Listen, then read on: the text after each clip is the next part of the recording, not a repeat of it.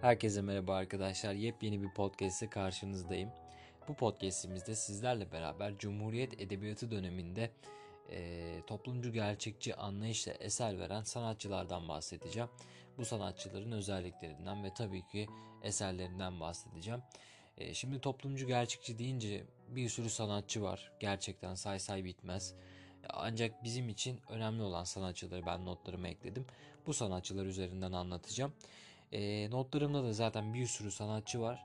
E, yaklaşık 15-16 tane sanatçı var. Ve bu sanatçıları tek bir podcast'te anlatırsam uzun süreceğini düşündüm. O noktada o yüzden iki podcast halinde yayınlayacağım. Bu podcast'imizde bu sanatçıların yarısını, diğer podcast'imizde de kalan yarısını anlatacağım. Ancak böyle daha iyi olur. Daha sonrasında da podcastlerimize tabii ki hani istediğiniz podcastleri arkadaşlar bana e, yazabilirsiniz. Yani oraya mail adresimi bıraktım ya da sosyal medya hesaplarımı bıraktım. E, istediğiniz herhangi bir podcast olursa söyleyebilirsiniz. Elimden geldiğince e, bu içerikleri yapmaya çalışırım. Hem sizin faydanıza hem de kendi faydamı olarak. Çünkü ben de sınava hazırlanıyorum.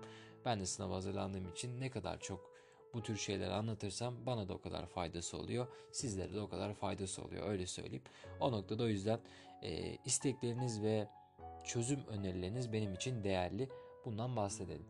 Şimdi podcast'imize geçmeden önce arkadaşlar e, bu podcast'imizde neyi göreceğiz ve daha sonraki podcast'lerimizde yani yayınlamak istediğim podcast'lerimizde neyi göreceğiz bunlardan bahsetmek istiyorum.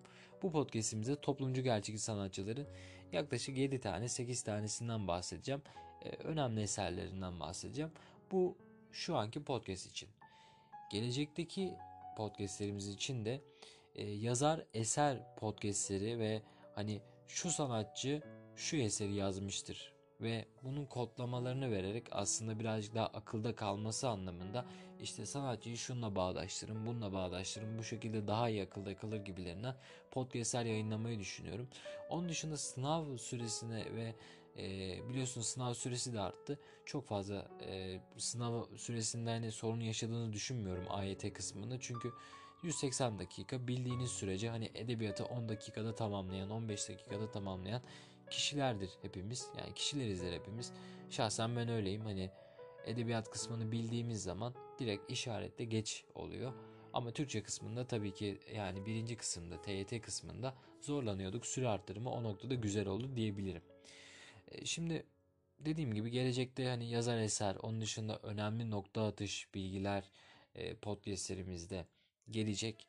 E, bu şekilde bu dönemi bitirmiş olacağız. Sonrasında da umarım istediğimiz bölümleri kazanırız. İstediğimiz üniversitelere gideriz arkadaşlar.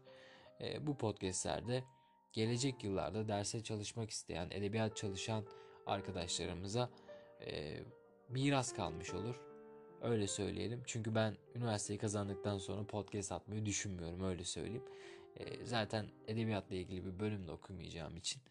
E, bu podcastler gelecek nesillere öyle söyleyelim e, miras kalacak. Onlar faydalanacak diyelim. Şimdi bu şekilde açıklamamızı yaptıktan sonra podcast'imize geçebiliriz artık. Şimdi başlayalım. Toplumcu gerçekçi anlayış ne demek? Önce bundan bahsedelim. Şimdi toplumcu gerçekçi adı üstünde aslında toplum ve gerçek. Gerçek nedir? Gördüklerimiz. Değil mi? Gördüklerimize inanırız. Duyduklarımıza çok fazla inanmayız. Gördüklerimize, gözümüzle gördüklerimize inanırız. Bu noktada toplumcu gerçekçi yazarlar da realizm akımından etkileniyorlar. Yani realizm dediğimiz şey nedir? E, toplumun ortasında gezdirilmiş bir ayna diye bir benzetme yapılır realizm için. Toplumcu gerçekçi yazarlar da aynı bu şekilde toplumun içine karışarak e, kucağında bir ayna ile dolaşan ve bu aynaya yansıyanları eserlerine yansıtan insanlar sanatçılardır. Peki neyi yansıtıyorlar? E, biliyorsunuz ki Cumhuriyet ilan edildikten sonra e, halkımız fakirli arkadaşlar. Yani Birinci Dünya Savaşı'ndan çıkmış koskoca bir imparatorluğu e, yıkmış ve yerine e, yepyeni bir cumhuriyet kurmuş halkımız fakirdi. E, yoksulluk vardı. İşte köylerdeki güvenlik sorunları olsun. İşte o dönemin istiklal mahkemeleri, takdiri sükun kanunları bir sürü bir sürü hani cumhuriyetimizi kurmak için, e, korumak için yapılan bütün şeyler aslında bir noktada halkımız için de çok zordu. Ve bu noktada özellikle 1940-1960 yılları arasında toplumcu gerçekçi sanatçılar e, bu tür halkın çektiği zorlukları eserlerinde yansıtmaya başladılar. Yani bu isimler nasıl eserler veriyordu? Bir defa tezli şeyler veriyorlardı. Yani gözleme dayalı e, içerikler üretiyorlardı. Gözlemleyerek sanatçılar eserlerine yazdıklarını anlatıyorlardı. Onun dışında ağa köylü çatışması, zengin fakir ya da işçi işveren çatışması bu tür şeyleri e, eserlerine yansıtıyorlardı. Yani kısaca söylemek gerekirse fakir edebiyatı yapıyorlardı. Halk edebiyatı geleneğimizdeki e, cumhuriyet yani halk edebiyatı geleneğimizden kalan e, o mirası Cumhuriyet Edebiyatı'na taşıyorlardı arkadaşlar. Halkın yaşadığı o zorlukların hepsini eserlerine veriyorlardı bu sanatçılarımız. Şimdi genel özelliklerinden bahsettiysek kimmiş bu sanatçılar? Bunlardan bahsedelim. Çünkü gerçekten çok önemli sanatçılar var. Bu sanatçıların hepsi de aslında bir noktada potansiyel sınav sorusu olması niteliğinde arkadaşlar. O noktada dikkatli dinlemenizi tavsiye ediyorum. İlk başlayacağım isim Talip Apaydın. Talip Apaydın deyince e, köy enstitüsü gelecek. Biliyorsunuz ki halkımıza okuma yazma öğretmek için o dönemde millet mektepleri işte e, çiftçi ya da köy gibi yerlerde yaşayan insanların eğitilmesi için de e, İsmail Hakkı Tonguç ve onun dışında Hasan Ali Yücel, Can Yücel'in de babasıdır kendisi. Köy enstitüleri gibi kurumlar kurmuşlardır ve oralarda öğretmenlik yapmışlardır arkadaşlar ve halka eğitmişlerdir. Talip Apaydın da köy enstitüsünde öğretmenlik yapan biridir ve Polatlı, Eskişehir ve Beypazarı gibi e, yerlerde yaşamıştır kendisi. Eserlerinde genel olarak Kurtuluş Savaşı ve köylü sorunlarını işlemiştir. Burası önemlidir. En önemli eserlerine geldiğimiz zaman da bilmemiz gereken en önemli romanı Sarı Traktör romanıdır. Zaten gördüğünüz gibi köylü deyince aklımıza yani köy dediğimizde aklımıza traktör gelmelidir. E, Talip Apaydın deyince de aklımıza Sarı Traktör romanı gelmesi gerekiyor arkadaşlar. Onun dışında Yarbükü, Ortakçılar ve Vatan dediler romanları önemlidir Talip Apaydın'ın. Geçelim bir sonraki ismimize. Bir sonraki ismimiz Kemal Bilbaşar. Kemal Bilbaşar deyince aklımıza Batı Anadolu'nun kasabaları ve şive taklitleri masası bir dil gelecek arkadaşlar. Eserleri de ezberlemesi çok basit. Cemo Memo. Cemo Memo deyince aklımıza Kemal Bilbaşar gelecek. Cemo, Memo, Kemal, Bilbaşar. Bu üçü adeta tekerleme gibi. Cemo, Memo, Kemal, Bilbaşar. Bunu unutmayacağız arkadaşlar. Geçelim bir sonraki ismimize. Bir sonraki ismimiz Samim Kocagöz. Samim Kocagöz deyince aklımıza iyi bir gözlemci olduğu ve köy romanları yazdığı aynı zamanda Kurtuluş Savaşı köylü sorunlarını işlediği gelecek. Zaten siz de dikkat edeceğiniz gibi bu sanatçıların hepsinin ortak gayesi Kurtuluş Savaşı dönemleri ve köylü sorunlarını eserlerine yansıtmaları. Eserlerine baktığımız zaman Samim Kocagöz, e, Kocagöz'ün çok önemli bir eseri var. Kurtuluş Savaşı'nı anlattığı Kalpaklılar adlı romanıdır arkadaşlar. Onun dışında e, Yılan Hikayesi, Bir Çift Öküz ve İkinci Dünya e, eserleri, romanları çok önemlidir. Samim Kocagöz'ün. Geçelim dördüncü ismimize. Dördüncü ismimiz yine çok fazla soruları gelen, sizlerle deneme çözdüğünüzde yaşık olarak ya da cevap olarak gelen bir isimden bahsedeceğim. Necati Cumalı. Necati Cumalı deyince arkadaşlar benim çok güzel bir kodlamam var. E, biliyorsunuz ki bu dönemlerde ya da ondan önce ya zaten son dönemlerde öyle söyleyelim. E, sigara çok fazla zamlandı. Değil mi? 25 liraya 26 liraya sigaralar satılıyor. Ve insanlar artık sigaraları alamadıkları için tütüne geçtiler. Yani okullarda falan sizin lisenizde var mıdır bilmiyorum ama bizim okulda vardı. Gençler yani sınıf arkadaşlarım falan paket sigara alamadıkları için tütün içiyorlardı. E, tütün deyince de işte bakın tütün buradaki anahtar kelime. Tütün deyince aklımıza Necati Cumalı gelecek arkadaşlar. Çünkü kendisi e, Ege bölgesinde yaşıyor. Ege bölgesinde yaşadığı için de e, Ege bölgesinin tütünü ünlüdür. Biliyorsunuz tütün tarlaları falan vardır Ege bölgesinde. E, eserlerinde de tütün kavramı vardır. Yani ne demek istiyorum? Bakın eserlerini okuduğum zaman anlayacaksınız. Susuz yaz bu tamamen hani Ege bölgesine ait. Ege nedir? Kuraktır değil mi? Kurak olduğu için de susuzdur. Buradan aklınıza gelebilir. Ama bahsettiğim eserler tabii ki susuz yaz değil. İki tane eser var ve çok kilit eserler bunlar. Her sınavda da e, yaşık olarak, cevap olarak gelir. Neden bahsediyorum? Tütün zamanı ve acı tütün. Yani bu noktadaki aslında anahtar kelimemiz tütün. Necati Cumalı deyince aklımıza tütün gelecek arkadaşlar. Tütünü gördüğümüz an Necati Cumalı diyeceğiz. Bu kadar yeterli. Geçelim bir sonraki ismimize. Bir sonraki ismimiz yine köy edebiyatı deyince aklımıza en fazla gelen hani çok böyle kıyıda köşede kalmış bir yazar olabilir ama edebiyatımız anlamında köy anlamında en önemli yazarlardan biridir. Kimden bahsediyorum? Fakir Baykurt'tan bahsediyorum. Fakir Baykurt deyince aklımıza abartılı anlatım, köy yaşamı gelecek.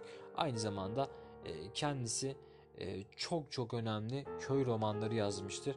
Şimdi bir tane eserini okuyacağım. Siz de anlayacaksınız çünkü denemelerde sürekli sürekli gelen bir eser bu. E, Yılanların Öcü. Yılanların Öcü Fakir Baykurt arkadaşlar. Bu eser çok önemlidir. Onun dışında Irazca'nın Dirliği, 10. Köy, Köy Göçüren, Kara Ahmet Destanı ve Tırpan romanları e, çok önemlidir. Fakir Baykurt'un arkadaşlar. Özellikle bu noktada Yılanların Öcü romanını bilmeniz gerekiyor. Burada Kara Bayram, e, Irazca gibi karakterler vardır. E, Burdur çevresindeki köy yaşamını anlatır. Köylü ağa çatışması olan bir yerdir aslında öyle söylüyorum. Eserde bunlar anlatılır. E, okumanızı tavsiye ederim. Çok güzel bir eserdir. E, geçelim bir sonraki ismimize. Bir sonraki ismimiz hepinizin yakından tanıdığı bir isim. Öyle söyleyelim. Rıfat Ilgaz. Rıfat Ilgaz deyince biliyorsunuz kendisi Hababam sınıfında yazarıdır aynı zamanda. Kendisi Rıfat Ilgaz deyince aklımıza mizah gelecek arkadaşlar. Çok iyi bir mizahşör öyle söyleyelim. Rıfat Ilgaz'la ilgili bir anı anlatmak istiyorum. Ben bunu e, bir tane dergide görmüştüm ve çok hoşuma gitmişti. E, ve orada şöyle yazıyordu. Biliyorsunuz Rıfat Ilgaz Hababam sınıfını yazıyor. Ve Hababam sınıfını yazdığında hani 1960'lı yıllar falan çok eskiden yazıyor. Hababam sınıfı da 1975'te e, vizyona giriyor yanlış hatırlamıyorsam. E, Rıfat Ilgaz'la bir röportaj yapıyorlar ve diyorlar ki Hababam sınıfı eserinizin e, bu kadar çok tutulmasının sebebi nedir diyorlar. Rıfat Ilgaz da diyor ki eskiden insanlar e, biliyorsunuz idam mahkumları olurmuş eskilerden. Hani Amerika'da falan yabancı dizi izlediyseniz hala vardır. Bizim ülkemizde de bir dönem vardı. İdam edilecek kişiyi izlemeye giderlermiş ve sokaklar karnaval yeri gibi olurmuş. İşte insanlar en güzel kıyafetlerini giyermiş, çocukları en güzel kıyafetlerini giyermiş ve bütün bir halk idam edilecek kişinin adeta gösterisini izlemeye giderlermiş. Ve idam edilen kişi ölürken kahkaha atıp gülerlermiş. Aynı zamanda da alkışlarlarmış. Rıfat Ilgaz da burada diyor ki ben diyor Hababam sınıfını yazarken ve Hababam sınıfını anlatırken ee, ölen, can veren bir eğitim sistemimizi anlattım ve insanlar bu ölen eğitim sistemine bakıp güldüler. Mükemmel bir e, nasıl desem açıklama. Ben çok etkilenmiştim bundan. Aslında günümüzün özeti de diyebilirim bu açıklaması. Hani yıllar geçse de hala o içimizdeki kanayan yara eğitim bir türlü bitmiyor. Yani adam bu kitabı çok yıllar önce yazmış, yarım yüzyıl önce yazmış ama baktığımız zaman hala biz eğitimden konuşuyoruz. İşte sınava gireceğiz. Sınav süresini kaldı. Sınav süresini uzatıyorlar. Tamam uzatabilirsiniz ama uzattığınız takdirde soruları da bir o kadar zorlaştırmanız eğitim seviyesini daha çok yükseltmeyecek. Aksine daha çok düşürecek. Baraj puanlarını kaldırıyorsunuz. Herkesi üniversiteye gönderiyorsunuz. Gönderdikten sonra da bu insanlar mezun oluyor. Mezun olduktan sonra zaten hayattan büyük bir tokat yiyorlar. Ee, %90'ı, %95'i, %5'i kesim, kesimde zaten bir noktada kendi yolunu buluyor diyelim. Umarım e, düzelir. Her şey başka da zaten temennimiz yoktur. Rıfat Ilgaz deyince en önemli eserleri tabii ki Hababam, Hababam sınıfı. bu zaten kült olmuştur. Çok soru geleceğini de düşünmüyorum. Herkes biliyor zaten bunu. Onun dışında Karartma Geceleri, Sarı Yazma, Halime Kaptan ve Bizim Koğuş e, eserleri önemlidir Rıfat Ilgaz'ın. Geçelim bir sonraki ismimize. E, bir sonraki ismimiz Sabahattin Ali. Sabahattin Ali deyince aklımıza Mapuzan tarzı hikaye anlayışı ve psikolojik çözümleme gelecek. E, Sabahattin Ali son dönemlerin çok ünlü romancılarından. E, herkesin elinde ben Sabahattin Ali kitapları görüyorum. Özellikle Kürt Mantolu Madonna olsun, e, içimizdeki Şeytan romanı olsun. E, zaten görülmelidir de çok önemli bir, bir yazardır kendisi Sabahattin Ali'nin. E, o noktada o yüzden son dönemlerin çok önemli bir e, öykücüsü, aynı zamanda romancısı diyebilirim. Tabii ki kendisi yıllar önce vefat etti ama e, kitapları hala aramızda yaşıyor. Sabahattin Ali'nin romanlarına baktığımız zaman Kürt Mantolu Madonna çok önemlidir. Onun dışında içimizdeki Şeytan ve Kuyucaklı Yusuf romanları çok önemlidir. Bir de öykü kısmında Değirmen, Sırça Köşk, e, Kaan'ı ve Ses öyküleri çok önemlidir Sabahattin Ali'nin. Son ismimize geçiyorum ve bu podcast'imizi sonlandırıyorum arkadaşlar. İkinci bir kısımda da e, diğer sanatçılar gelecek. E, son ismimiz Orhan Hançerlioğlu. Orhan Hançerlioğlu deyince aklımıza büyük şehir insanlarının sıkıntısı gelecek ve en önemli romanlarına baktığımız zaman da 7. gün bordamıza vuran deniz e, aklımıza gelecek eserleri aklımıza gelecek. Bu şekilde arkadaşlar e, toplumcu gerçekçi anlayışla eser veren sanatçıları ilk kısmını bitirmiş olduk. Bir sonraki podcastimizde görüşmek üzere. Hepinize iyi çalışmalar diliyorum.